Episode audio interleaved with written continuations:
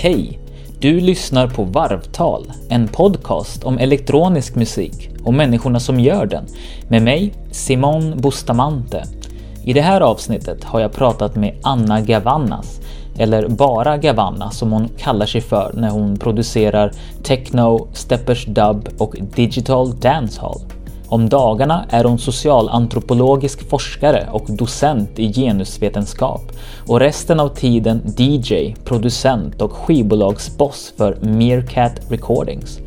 I över två decennier har hon rest runt i världen och bott i städer som Chicago, Amsterdam, Washington DC och Leeds där hon parallellt med sin forskning om olika kulturer utforskat klubbscenerna i de olika städerna. Men innan du får börja lyssna på hennes berättelse ska du få höra en låt från hennes första EP som hon släppte i våras.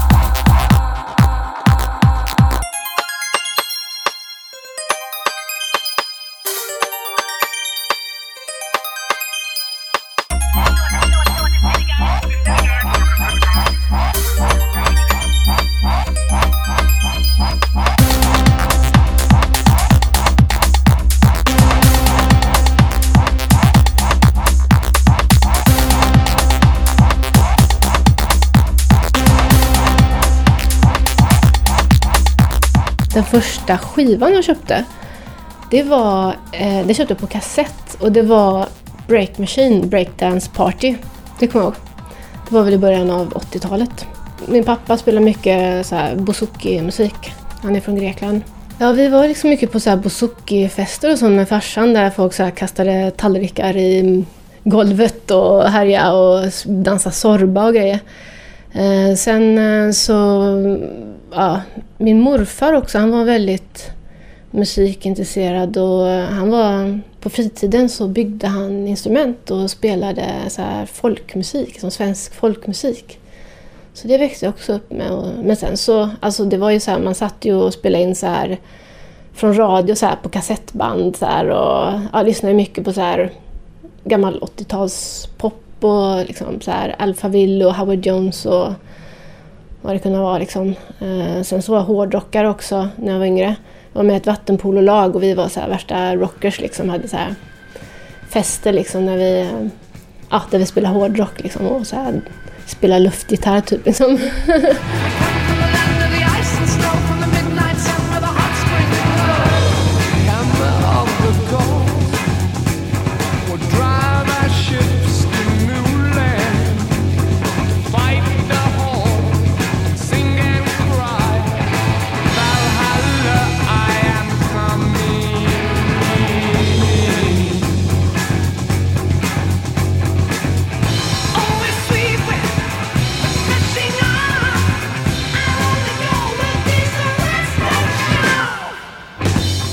hade också förresten ett band med min, eh, mitt min första band eh, med min eh, kompis Marion Järnråda. Då spelade vi också, ja, jag var väldigt influerad av så blues, gammal blues, liksom så här JJ Cale, Albert King, och, men också så här Kiss och hårdrock. Liksom. Vad hette bandet? Det var så jävla konstigt. Jag vet inte vad vi... Jo, det var någon i skolan som vi kallade för så här Mognemannen eller någonting. Som vi, för han så här klädde sig i så här vuxenkläder. Och då gjorde vi ett band som, som, som skulle vara så här hans band på något sätt. Som, som vi kallade för Mad Mature Man. Alltså vi så här översätter det till engelska då liksom. och så, så här, på musikundervisningen så fick vi ha så här spelningar typ så här, med vårt band. Var, var det en intern grej, Mognemannen, mellan er ja, två? Ja, det var mellan oss då. Vi, vi hade en annan låt som hette Foten som handlade om en kille som vi tyckte såg ut som en fot i ansiktet. Så att vi hade så grejer för oss liksom. så uh, så ja, Marion då, hon spelade trummor och piano och jag spelade gitarr då. När eh, började du upptäcka elektronisk musik? Alltså det var ju egentligen under, under 80-talet då. För att, eh, som till exempel så lyssnade vi mycket på Alphaville då, den här skivan Forever Young. Marion och jag då, vi lyssnade liksom, vi kunde varenda låt utan till där liksom. Det är ju synt. Sen så hade jag en annan kompis som lyssnade mycket på Depeche Mode.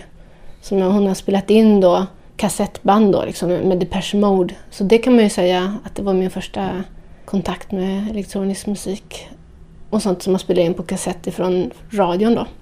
Så när jag började gå ut då, eh, det var ju i slutet av 80-talet, eh, gick ut då på klubbarna i Göteborg där jag växte upp. Jag kommer från Björnamen i Partille utanför Göteborg.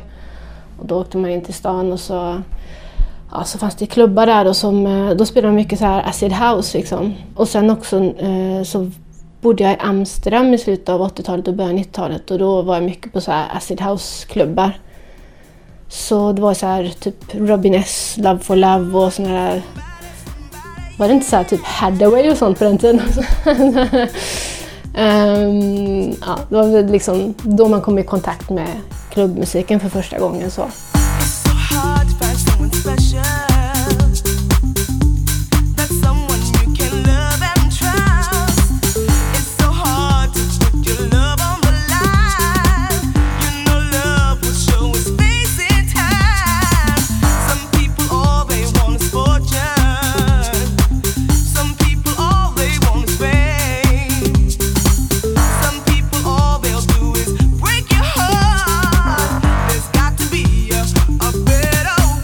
Sen dess har jag ju då bott, jag bodde i USA också i början av 90-talet och då var jag mycket på så här, ja men på houseklubbar i Chicago, mycket också blues och jazzklubbar. Så att eh, jag har väl haft ett, ett intresse för musik överhuvudtaget. Eh, det har blivit väldigt mycket elektronisk dansmusik eh, de senare, alltså i slutet av 90-talet då så, så har det blivit mycket elektronisk dansmusik. Vad är det då med den elektroniska dansmusiken som lockat dig som mest? Jag går ju väldigt mycket igång på, på bas. Och som stommen i det som jag gör har väldigt mycket med dubb att göra. Jag är väldigt influerad av dubb har jag varit genom, genom tiderna. Det är liksom olika också saker som jag liksom fastnar för, kanske olika under olika tidsperioder och vilken genre jag håller på med just då. Som med, med dubb så, så det är ju mycket liksom också så effekter och sånt som, som, är, som är kul. Liksom, när de är så jävligt galna med effekter som Aeration Steppers som jag lyssnar på väldigt mycket. Och som jag gick väldigt mycket på deras spelningar när jag bodde i Leeds i England. Då, de är ju så jävla galna liksom, i hur de använder delayer och reverb och hur de liksom leker med, med sådana saker. Och så.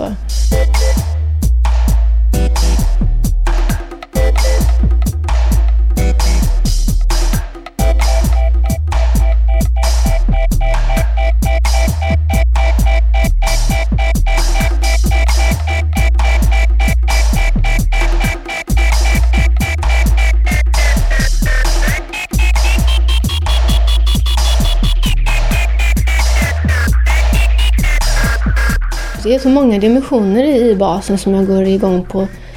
Dels så har det att göra med att liksom baslinjen är som själva stommen i den musik som jag fastnar för. Det som man fastnar på, som man hookar på, liksom är liksom själva baslinjen, alltså hur den är, liksom är programmerad eller spelas. Liksom.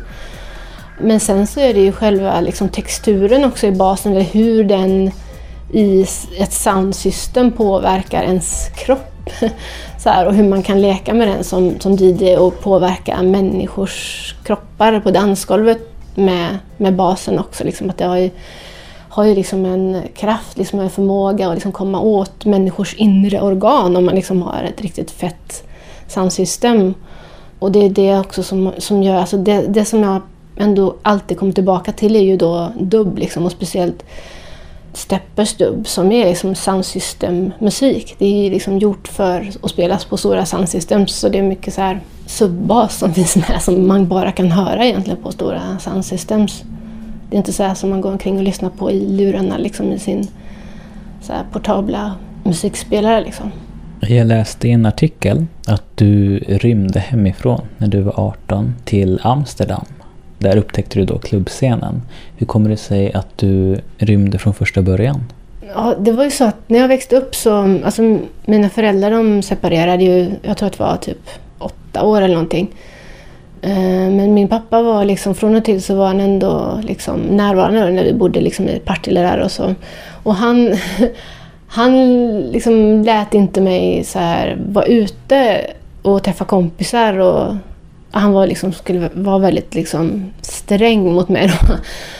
Och eh, jag såg inte ut med det så att eh, ja, när jag då hade liksom blivit myndig och hade liksom gått ur skolan då så uh, packade jag min väska liksom samma, jag tror det var samma natt som jag tog ex examen. Liksom, så, så packade jag min väska och eh, smet ut så här, typ så här, klockan fyra på morgonen och kom aldrig tillbaka.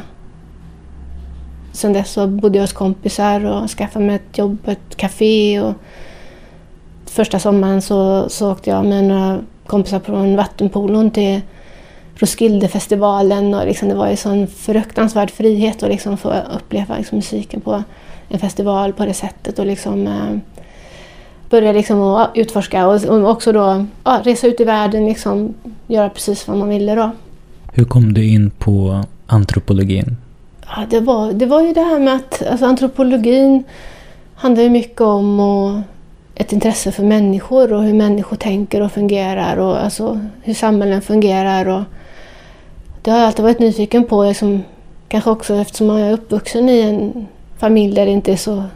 så den här kulturella tillhörigheten är inte så självklar, liksom, att man skulle tillhöra någon slags svenskhet. Liksom att, um, på somrarna då så var vi ner, liksom bilade ner till, till Grekland och träffade släktingar. Så, här, så jag har väl alltid varit väldigt fascinerad av kultur och liksom människor och, men också resande då. Liksom det här, liksom haft ett sug hela tiden av att liksom ge mig ut i världen. Liksom.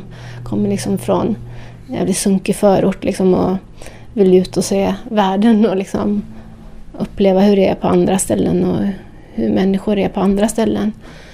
Det var väl liksom någon slags grundattraktion liksom med antropologi då, som att få syssla med det liksom, som, som ett arbete om man säger parallellt med det att jag har rest som antropolog så har jag ju utforskat eh, klubbscenerna i dem, på de platser där jag har bott. Då. Ja, sen har jag bott i både New York och Washington DC under, ja, kan man säga, mellan slutet av 90-talet och början av 2000-talet. Och då har jag också parallellt med, då, då, då skrev jag om eh, mansrörelser i USA och intervjuade väldigt konservativa och religiösa män på dagarna och försökte se väldigt präktig ut när jag gjorde det.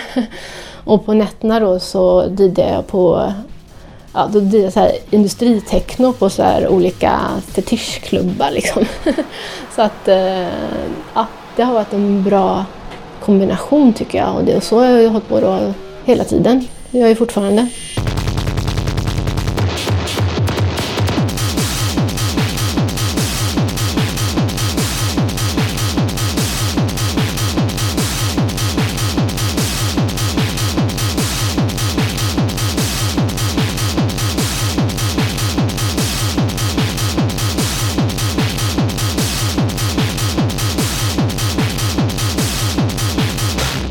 Var ju 1997 kanske som jag var då i eh, Washington DC och jag började driva klubbar där tillsammans med några kompisar och DJn som spelade där jag var väldigt intresserad av att få spela då så han lärde mig liksom hur man gjorde för att mixa CD. Då var det liksom att jag spelade en så här industritechno som var ju väldigt influerad också av de här eh, som Underworld som kom. Den här eh, Born Slippy till exempel var ju en, någonting som verkligen influerade mig då. Liksom,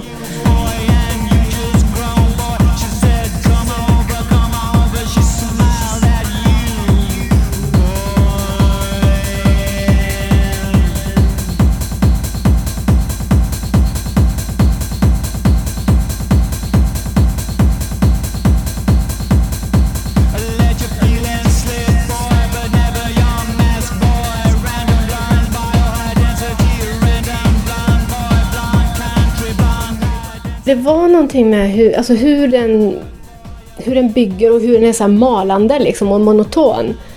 Den, är, den, den var så jävla effektiv liksom på, på dansgolvet då. Liksom och, men samtidigt också så liksom det, det är som att vissa låtar är så förknippade med, med vissa tidsepoker och vissa miljöer och så. Och då så liksom fick, det kändes för mig liksom i USA då liksom med den musiken som fanns tillgänglig då så kändes det som att, att den var så jävla fräsch liksom. Den var så här, nådde rakt fram liksom när man spelade den. Men sen ehm, så min bästa DJ-kompis eh, genom tiderna, eh, Anna Öström, eh, som hade Svaj här i Stockholm. Hon och jag började spela skivor också. Jag var ju eh, liksom pendlare mellan USA och Sverige. Men då började, liksom då eh, hade vi liksom ett krig, jag och Anna, oss emellan, för hon spelade vinyl. Och jag tyckte det var helt värdelöst med vinyl.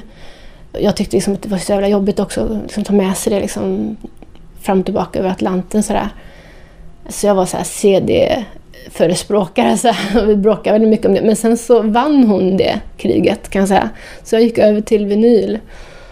Alltså det, det är ju mycket roligare att spela vinyl än någonting annat. Jag tycker det är skittråkigt. Som, ibland så gör jag så här showcases liksom och spelar outgiven musik på traktor och det är så himla tråkigt. Alltså det är verkligen, fy fan vad tråkigt att stå där liksom och gäspa framför en dator och vänta att en låt ska bli slut. Typ.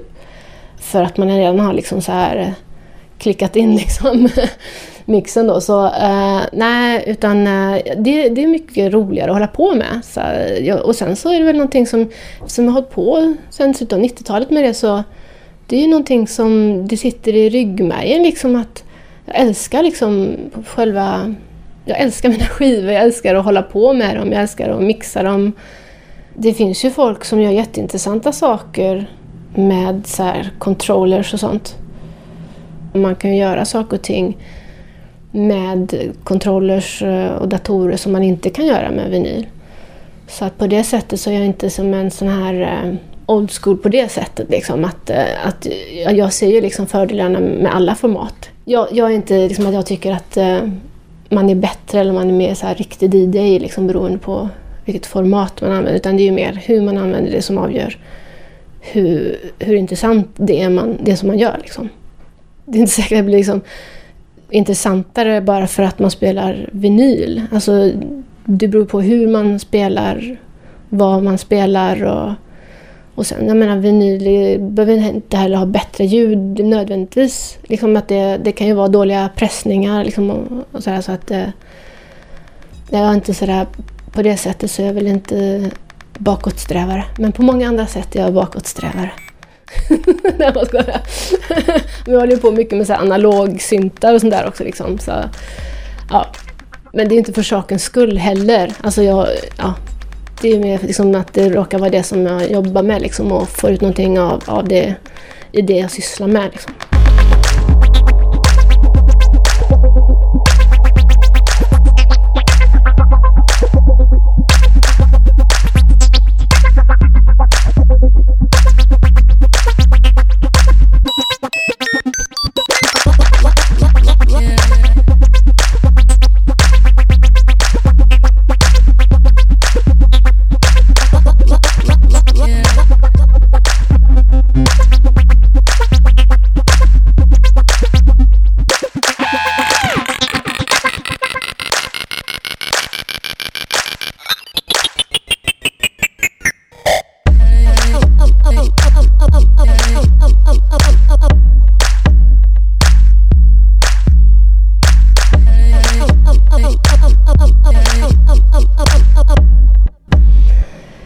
Finns ju liksom många sådana låtar som blir nästan som så anthems liksom i ett, ett scensammanhang om man säger. Som, eh, ja, som folk bara så här reagerar liksom instinktivt på liksom och, och som nästan som att man har liksom ett slags kollektivt medvetande till. Liksom. Man hamnar liksom i ett någon slags gemensamt tillstånd så här, på, på dansgolvet. Så, så det var en sån låt. Jag gjorde ett projekt för en tidskrift som heter Dance Cult som är en internationell tidskrift om elektronisk dansmusikkultur. Och då gjorde jag en, eh, tillsammans med då Recordings en compilation till den tidskriften då, där vi liksom gjorde ny, nyproducerad musik som skulle spegla liksom olika aspekter av elektronisk eh, dansmusikkultur. Och då gjorde jag en låt som, som jag kallade för Technomad Communitas. Och som, eh, den var eh, inspirerad av, ja, dels var den inspirerad av en bok som hette Technomad som handlade om eh, ravekultur typ. Men, men sen så var den också inspirerad av en sån här anthem som, um, det var Bizarre Love Triangle av New Order. Som jag såg som, för att det som jag försökte komma åt med den här Technomad Communitas, det var just uh, den här känslan av liksom att komma ut tillsammans på ett eh. Jag var väldigt mycket på flatklubbar då under väldigt många år. Så jag var tillsammans med en tjej under fem år liksom, i USA då, så vi, och vi spelade mycket på flatklubbar där. Men, och då var det just den här, jag tror det var kanske var remixar av den här Bizarre Love Triangle.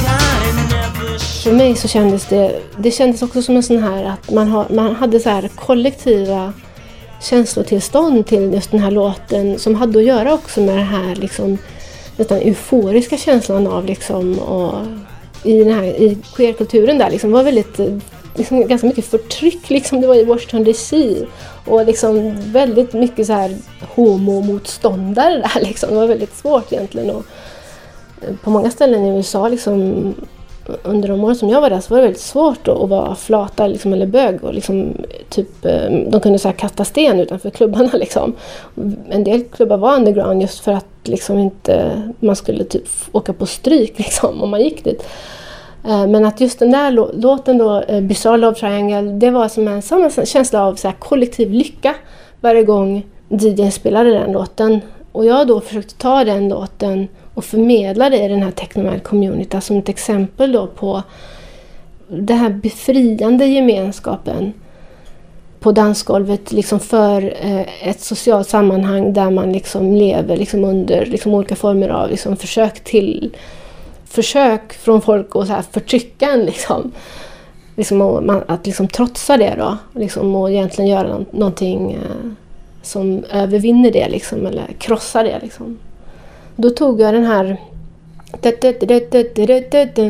Jag tog den, eh, den här melodislingan då och jag, tog, jag programmerade om den på, jag har en sån här Juno 106 gjorde en, spelade in det som en, som en slinga liksom, i olika varianter och skruvade lite på effekter och, och så här liksom. Och, ja, byggde den låten kring det. Kan man säga. Det fanns ju en, eh, också en basslinga som liksom som går med den här melodin som, som jag också liksom lekte med då. För, för att skapa den där känslan, den här ordlösa känslan liksom av kollektiv lycka. Liksom.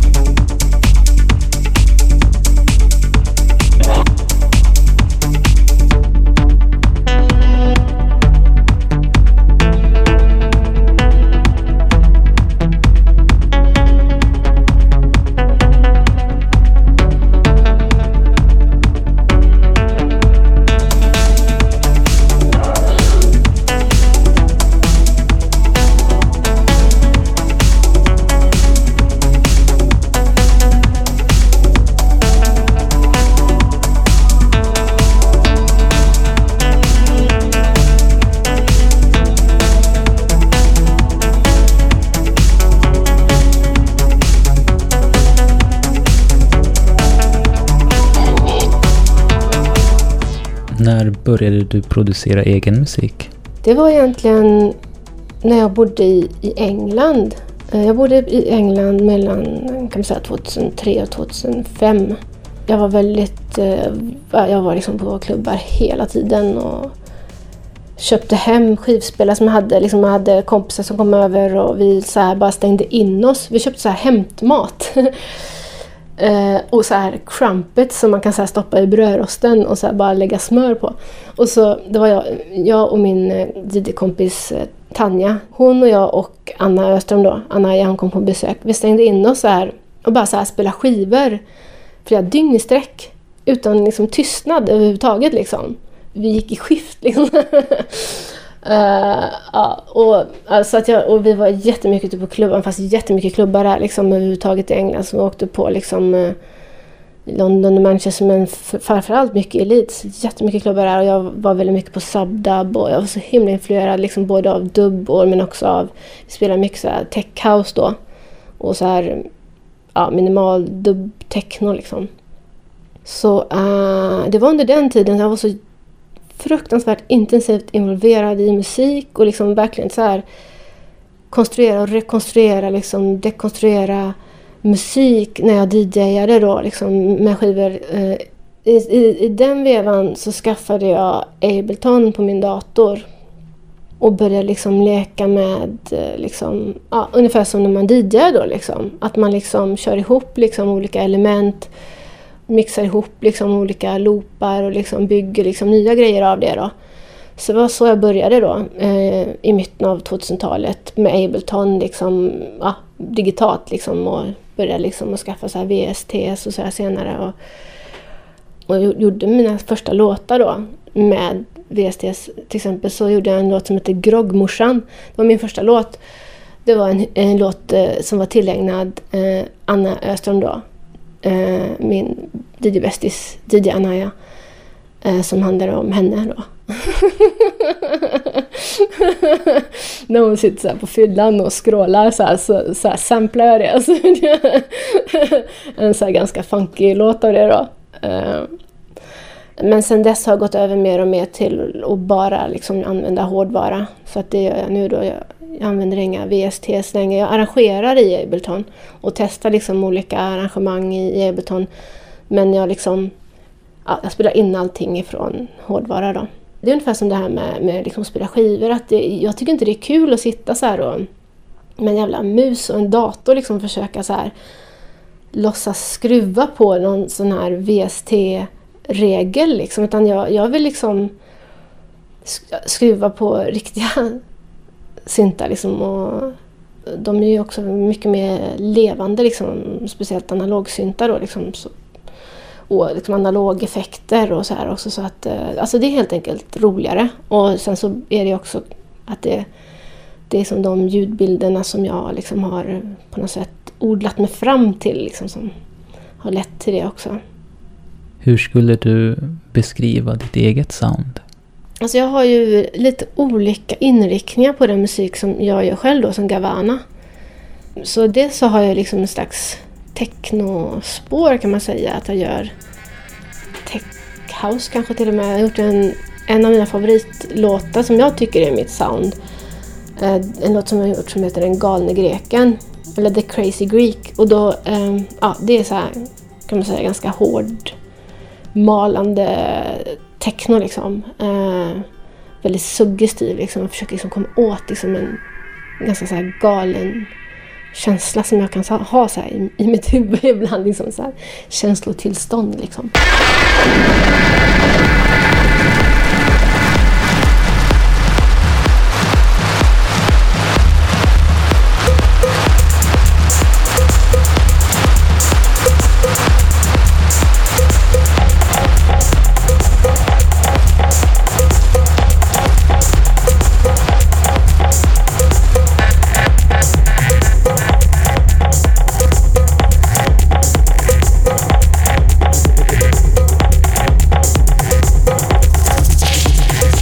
Det är dels det spåret men sen så eh, har jag väl hållit på väldigt mycket med dubb då tillsammans med Bass Trolls också nu senaste tiden då. Så vi har ju gett ut, eh, det här är vår tredje skiva som vi har gett ut på vinyl med Bass Trolls. Um, och så att, uh, ja, Steppers dubbsam kan man säga. Men sen så har vi gjort en, en del också dubb-elektronika liksom, som Gavanna. Och, ja, och då leker man ju väldigt mycket med effekter, liksom ganska så här svajig, flummig känsla liksom. Men väldigt så här jävligt som feta basar och så här som...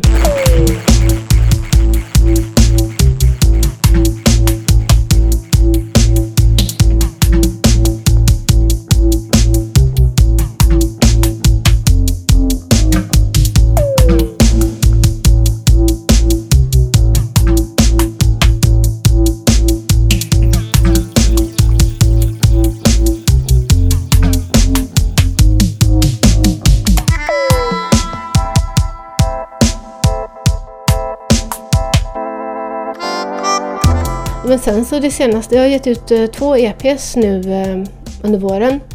Som Gavanna då. Den ena hette Culture Vulture, den första hette eh, Vicious Vibrations. Och den andra hette Culture Vulture. Och eh, då har jag faktiskt experimenterat väldigt mycket med dancehall-influenser. Och är väldigt influerad också av till exempel Warrior Queen och gamla så klassiska dancehall-artister liksom. Som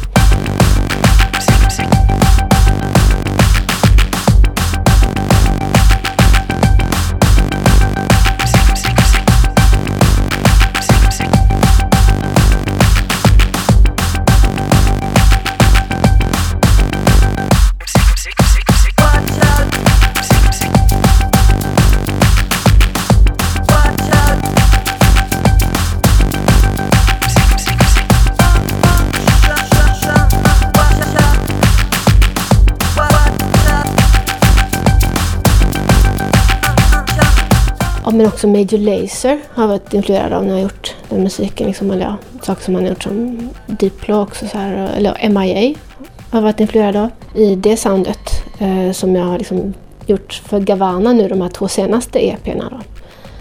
Ja, det är tre olika spår kan man säga. Sen så har jag också remixat folks grejer. Då beror det lite på, alltså mitt sound om man säger, beror lite på vad det är som det väcker hos mig, det jag remixar. Jag en engelsk artist som heter Caro Snatch. En låt som, som hon... Uh, gud, vad hette den nu? Um, jag kommer inte ihåg vad den hette nu varför det.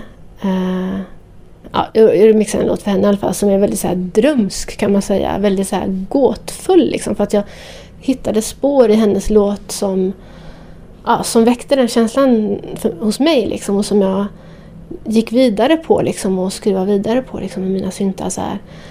Sen eh, så eh, har jag remixat min brors musik. Han gjorde lite så här, eh, han är död nu, han dog 2001.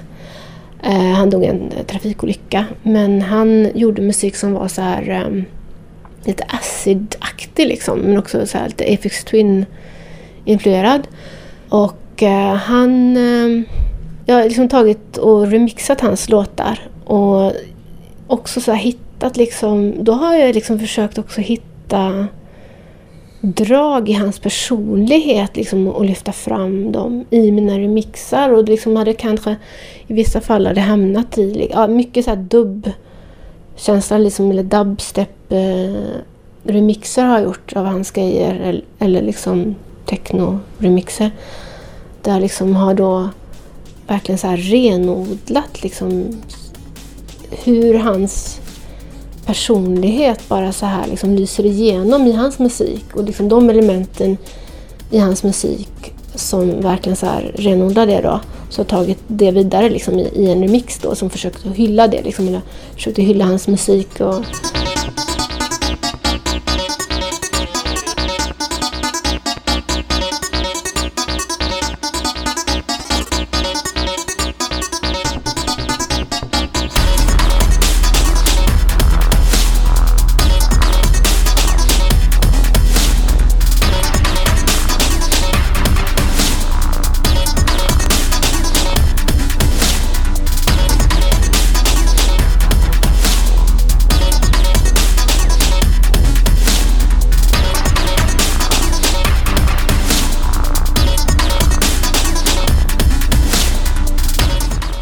Finns det några beröringspunkter mellan socialantropologin och din kärlek till musik?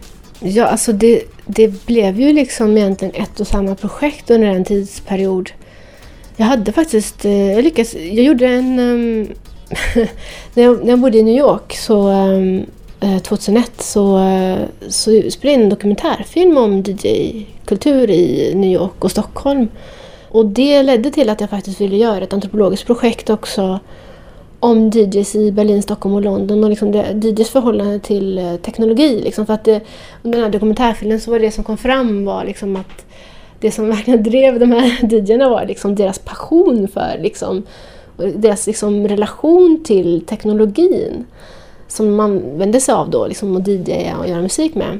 Och då vill jag liksom utforska det vidare och också liksom med liksom någon slags också dimension av liksom, eh, hur det här bekönas ofta i, liksom, i människors... Eh, ja, hur, hur de beskriver och förhåller sig till tekniken eller hur liksom DJ-kulturen diskuterar det här liksom, i bekönade termer. Liksom. Så, um, alltså jag ville utforska det där lite ja, antropologiskt då, så jag fick faktiskt eh, ett projekt eh, finansierat av Vetenskapsrådet eh, som ehm, där jag då liksom var och intervjuade DJs i Berlin, Stockholm och London om de här frågorna och skrev en bok som hette Rundgång tillsammans med några andra forskare eh, som handlade om elektronisk dansmusikkultur och, och genus och teknologi. Så eh, ja, på det sättet kan man ju säga att där förenades de ju liksom i ett och samma projekt. Liksom. Kan du bara förklara lite mer vad du menar när du pratar om att man bekönar när man pratar om teknologin? Ja, för att det som, som kom fram då, liksom, oavsett vem man intervjuade, liksom, DJ som jag intervjuade var både i liksom New York och Stockholm och London och Berlin, så, så kom det liksom fram liksom att det fanns ju liksom en, en slags, uh, in i ryggmärgen verkligen så passion, liksom en kroppslig, liksom andlig, liksom eh, nästan ja, i, i politisk nästan så här, passion för teknologi som var liksom central överhuvudtaget för DJ-kulturen och som också hade väldigt mycket att göra med hur man umgås inom liksom, DJs emellan, liksom, så på skivaffärer, liksom, när man liksom, ja, kring DJ-bås man diskuterar väldigt mycket liksom, teknologiska aspekter av liksom, det man sysslar med. Liksom, vilken nål som är bäst, typ, så här, eller nu så liksom, ja, vilket DJ-program som är bäst kanske nu. Liksom, ja.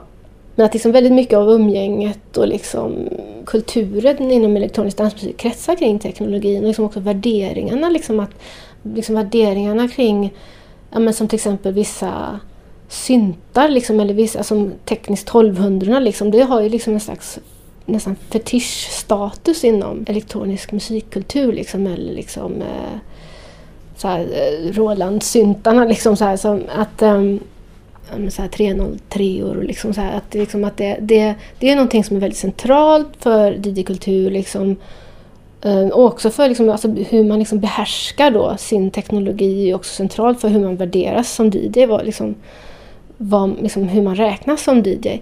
Men att det som jag också liksom märkte då liksom när jag intervjuade folk var ju att, och det som jag har märkt själv också när jag liksom har varit ute och spelat själv, liksom att det uppfattas inte som lika självklart liksom, att eh, tjejer deltar i den här liksom, kulturen liksom, eller kring teknologin då.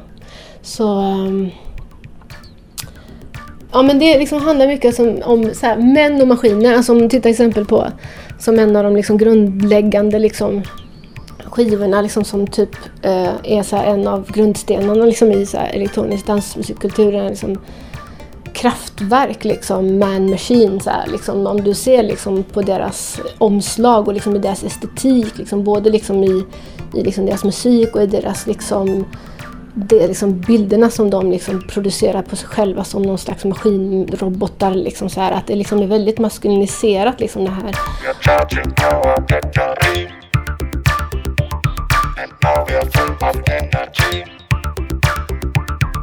We are the robots.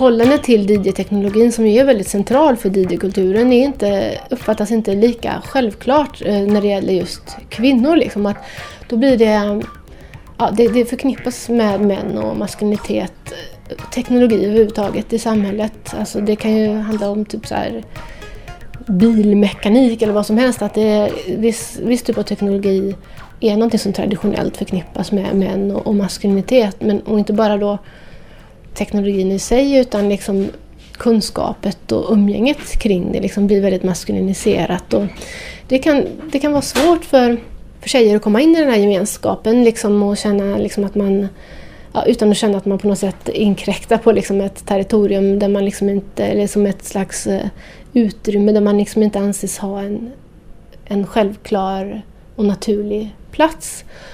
Så, så då blir det liksom att eh, ofta så, så liksom utgår man inte ifrån till exempel att, uh, att tjejer som DJar kanske har liksom den te tekniska kunskapen som krävs och liksom kan oftare bli ifrågasatt än män som DJar som kanske ja, alla utgår ifrån att de, de kan det de gör. Liksom. Hur kommer det sig? Hur kommer det sig att det, det lever kvar, så att säga, de fördomarna? Det, det sitter ju väldigt djupt i överhuvudtaget samhället, alltså hur, hur samhället fungerar. Liksom. Alltså vad som uppfattas som manligt och vad som förknippas med maskulinitet och femininitet och liksom vad som, som boostar maskulinitet. Som det som också när jag intervjuade liksom, speciellt kvinnliga DJ var det liksom det här att, att när man är väldigt intresserad av teknik och teknologi och, och liksom älskar att hålla på med det där så är det som, som jag liksom intervjuat folk då, både Berlin, Stockholm, London, liksom att då, då blir det som att man uppfattas som okvinnlig. eller liksom att man är, så här, man, man är någon slags pojkflicka eller liksom att man är så här nördig och försöker vara så här en del av grabbarna som att det, liksom, det här liksom förhållandet som man har till teknologin då är liksom inte lika för givet taget som det liksom, oproblematiskt som det kan vara för män att ingå i det här liksom, och i den här gemenskapen kring teknologin. Och att, då kan det också finnas eh, liksom, olika barriärer då som, som liksom dyker upp då för, för kvinnliga DJs som, som man inte ens ser som kanske som, som kille som håller på då. Så att, eh, att man, liksom, man blir helt enkelt ifrågasatt, ifrågasatt och, och liksom underskattad eh, oftare som, som i förhållande till teknologi då, som, som tjej som, som kille. Liksom. Killar förutsätts ofta kunna liksom, sina grejer eh, medan det inte kanske tas för lika självklart för, för tjejer då, som att eh, när man är ute och liksom spelar så kanske det kommer fram någon som ja, ljudtekniker kommer fram och ska börja så här ratta med ens grejer liksom, när man står och spelar. Som att det, det händer väldigt ofta för mig och mina kollegor, liksom, kvinnliga kollegor. Men kanske inte lika ofta för mina manliga kollegor. Då. Det är någonting som, och som, som också ja, i de här intervjuerna jag gjorde då så är det många som, som vittnar om det. Liksom, att det fortfarande man måste liksom typ så försöka och nästan Samtidigt som man DJar så måste man så här försvara DJ-båset ifrån så folk som ska, som ska komma fram och ratta samtidigt som man spelar. Liksom. som inte har någonting där att göra liksom, för att man har, man har koll liksom, men att man förutsätts inte ha det. Då. Så att vi hade, jag har ju DJat mycket så DJ-team då som hade, jag hade lite, lite olika klubbar så här. Eh, med några av de här eh, DJ-kollegorna då så då var det bra att man var fler för då kunde man turas om och, och så försvara DJ-båset ifrån snubbar som skulle fram liksom och härja och liksom pilla liksom. och också ljudtekniker som skulle hålla på. Kunde man liksom, när den ena försökte koncentrera sig på att mixa då så kunde den andra så här försvara båset ifrån sådana attacker. Så det var väldigt bra liksom, på det sättet. Det kan vara väldigt svårt själv som sagt att göra både och då. det handlar mycket om att så här, trotsa lågt ställda förväntningar och då måste man istället så här, överprestera för att det är liksom mycket handlar om liksom, att folk så här, letar fel på ett sätt som, ja, som kanske inte drabbar alla då. Um, så att um, Nej, men som till exempel det här med att, att man kan mixa. Som jag var liksom i en skivaffär och köpte skivor i flera år. För så här, ja, jag, jag skäms att säga det, men så här för tusentals kronor liksom. Och må, alltså det var så här, jag, jag liksom så här, satsade liksom hela min lön på liksom att köpa skivor där liksom under flera år. Ja, nej, så då var det liksom där, alltså som man gör då liksom på skivaffärer, man liksom hänger där och man pratar liksom om spelningar man har, spelningar de andra har. Liksom de som jobbar är ofta DJs själva och som och eh, ja, under flera år liksom efter att ha liksom spenderat liksom min lön där liksom så här under flera års tid och liksom trott att man liksom hade någon slags samtal så här mellan DJs så, så som helt plötsligt man bara så här, men, men kan, du, kan du mixa så här? Frågar han som jobbar där då. Liksom. Men, men, kan, du, kan du mixa så här? Kan du taktmixa liksom? Hon bara, men då har jag varit där och köpt så här techno liksom och, och dubstep och liksom, så, sån musik man mixar liksom.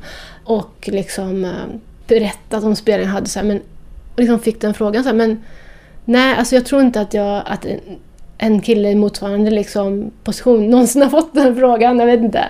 Det var ju bara för att jag var tjej som jag fick den frågan.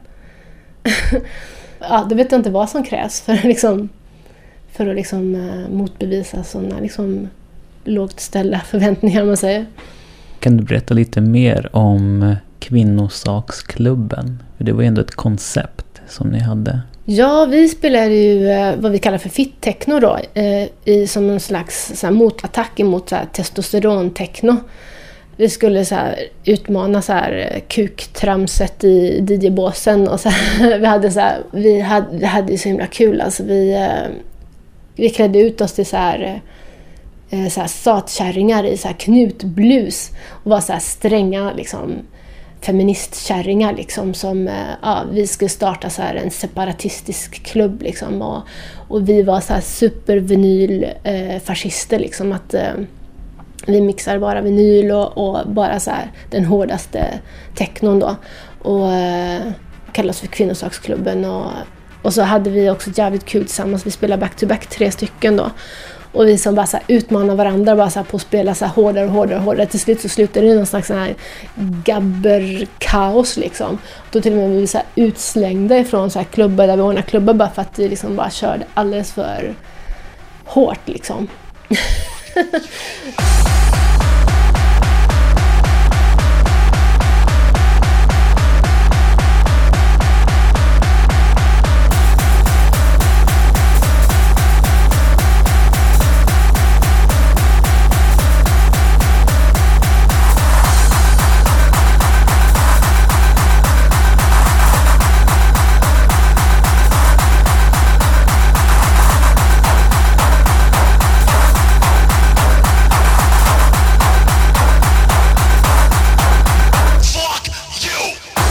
Eh, men, nej, men det, det, blev, det var jättekul. Vi hade jättekul. Alltså bara röjde som fan. Vi spelade liksom i Berlin flera gånger och hade liksom nästan, vi var som ett band liksom. Vi var tre stycken. Vi hade skitkul så här, trigga varandra och hade massa så här kul, galna idéer liksom. Skulle DJ-kollektiv eller liksom DJ-grupper vara ett sätt för kvinnor kanske att orka med grabbigheten när man är ute och spelar?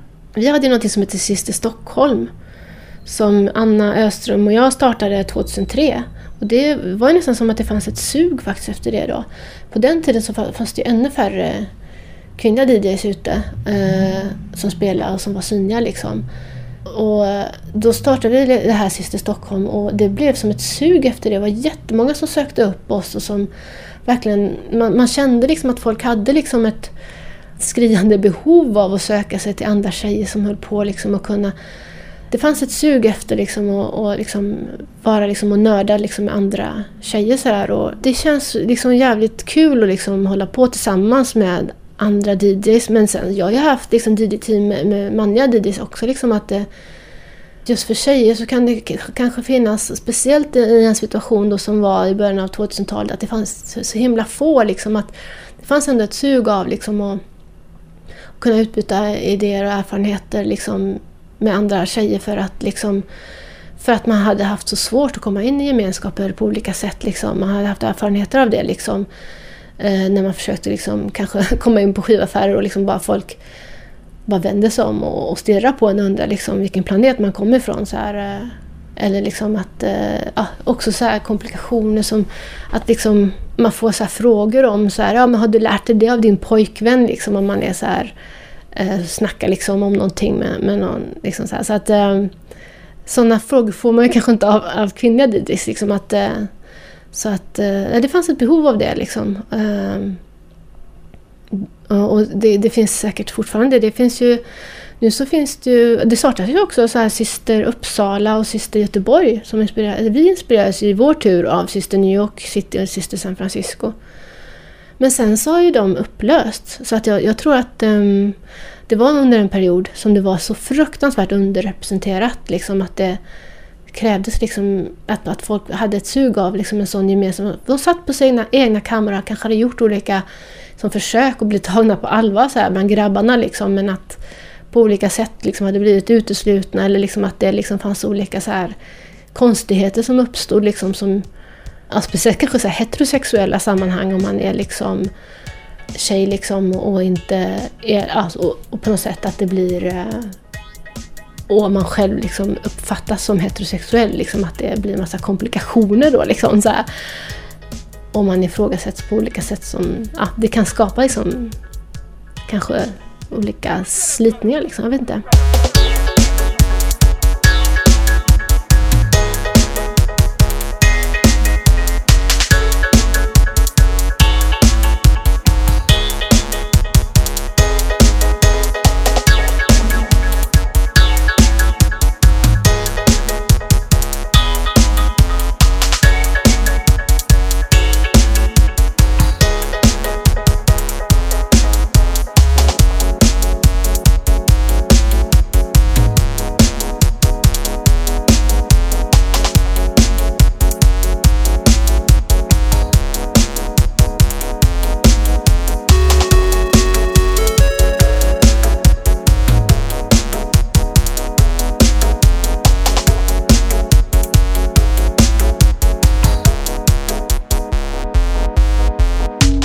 Sen liksom sådana saker upplöses så...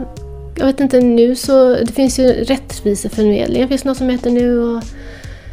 Femtastic finns det någonting som heter nu. Som är ett kvinnligt... De går ut också liksom med väldigt feministiska liksom, budskap så där, liksom, i samband med sina så här projekt verkar det som. Så att eh, det kommer ju att gå sånt. Och det verkar ju definitivt fortfarande finnas, finnas behov för det. Liksom man kan ju hoppas, som vi sa i Syster Stockholm, att vårt eh, mål liksom med det här kollektivet det är ju liksom att vi inte ska behöva finnas. Och det var ju liksom också, vi stötte ju på mycket så här skit liksom för att, jaha, ni så här, hatar ni män då? Liksom, får inte män vara med då? Liksom, så här, att, eh, det finns ju vissa liksom, inneboende problem i också liksom, att vara så här liksom enkönad liksom, i kollektiv. För att då befäster man ju också liksom ens att det ska finnas liksom en könsfråga. Att man liksom bekönar sig själv nästan. Och, men också att det ska finnas liksom en slags eh, en slags avskiljning liksom mellan kvinnliga och, och manliga nätverk. Liksom. hur hanterar man till exempel sitt utseende som manlig DJ? Det, det ifrågasätts ju oftast inte på samma sätt som kvinnliga liksom, DJs i hur, hur de klär sig kanske eller sminkar sig eller liksom hur man marknadsför sig själv som DJ är, är någonting som folk är jävligt eh, på liksom, när det gäller just att liksom bevakar och liksom granskar på ett annat sätt. Som i de här intervjuerna som jag gjorde då så kom det fram väldigt mycket att det var liksom att det, det är mycket lättare att få spelningar om man är undantagen från normen. Då sticker man ju ut. Liksom. Och också om man spelar på liksom, sånt som är liksom, populärt inom liksom, media överhuvudtaget. Liksom, att spela på någon slags heteronormativ sexighet. Liksom. Om man då har den möjligheten som kvinna. Det är, liksom, det är någonting som kan få ja, som kan helt enkelt göra det lättare att få spelningar. och då finns det liksom vissa som, som tycker, liksom, ja, som i den här boken som jag kommer ut med nu snart, då, DJ Culture in the Mix, vi har gjort intervjuer, jag och en österrikisk forskare. Då, då, liksom, då har vi liksom tittat på olika forum när kvinnliga DJs diskuterar det och då är det vissa som som, som liksom tycker att vad fan är det, man, man, är ju dum om, om man liksom inte drar nytta av den här fördelen man har.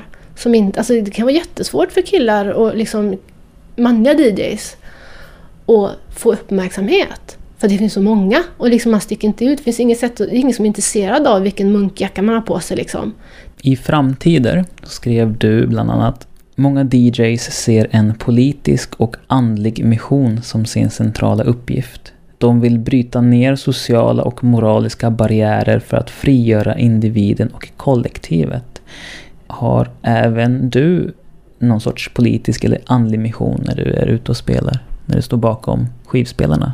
Ja, alltså det där eh, som jag skrev då, det handlar ju liksom om ja, Didi som har liksom berättat för mig också då i alla de här intervjuerna jag gjort, liksom att man försöker att till exempel så här, introducera människor till eh, ny musik, liksom, nya upplevelser liksom, och kanske till och med Free your mind and your ass will follow eller Free your ass and your mind will follow. Liksom att man jobbar mycket med liksom att skapa upplevelser för folk som befriar dem ifrån liksom de, sina, alltså, de som kategorierna som fängslar dem eller de liksom sociala barriärerna som som fängslar dem. Och, och liksom att skapa liksom den situationen på dansgolvet där man liksom bara kan uppgå i någon slags eh, organism, liksom, eller ja, det är en slags befrielse, men också i liksom, ett politiskt sammanhang i så förtryckta grupper. Liksom, som till exempel i soundsystemkulturer på Jamaica, liksom, att man kommer samman kring, ja, för att motverka förtryck liksom, i, och liksom, skapa liksom, en röst eh, utanför liksom, eh, maktens eh, ja, som inte makten kan komma åt som en slags motkraft då, liksom att, eh, och trotsa liksom förtryck. Eh, men, eh, men för min egen del, eh, alltså jag har ju jobbat väldigt på liksom, man säga, jag har gjort liksom fotarbetet väldigt mycket liksom i liksom många år liksom när det gäller klubbkultur. Liksom att inte bara som DJ liksom jobba.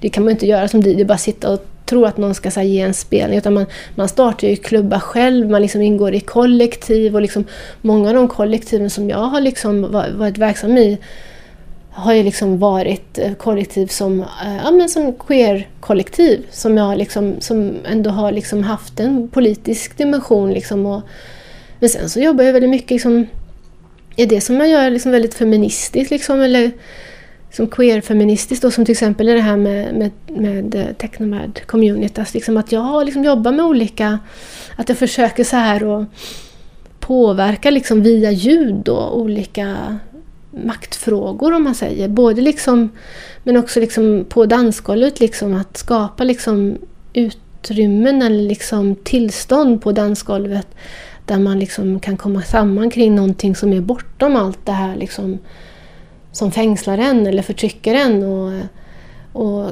kategorier som liksom förblindar en som man, ja, som man måste liksom förhålla sig till. Jag försöker liksom att skapa utrymmen, liksom ljudmässiga utrymmen bortom det. Det låter ju väldigt flummigt men det är kanske är det som är det andliga då. Liksom. Andlig, ja, det som är andligt är ju så här flummigt. Liksom.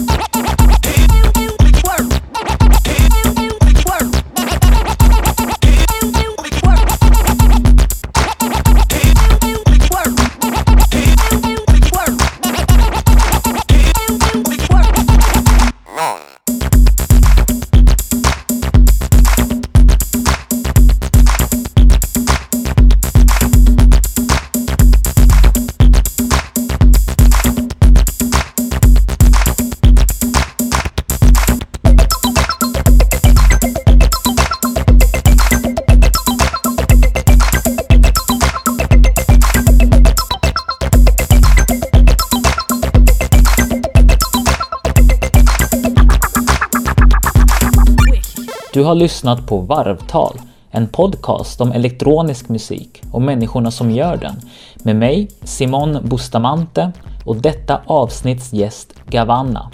Du får hemskt gärna mejla mig eh, ris eller ros eller både och till simon.varvtal.se eller skriv något på Facebook-sidan. Det är bara att söka på Varvtal så hittar du den. Bjud gärna in dina vänner att lajka sidan. Sprid gärna detta och de andra avsnitten till folk som du tycker borde höra dem.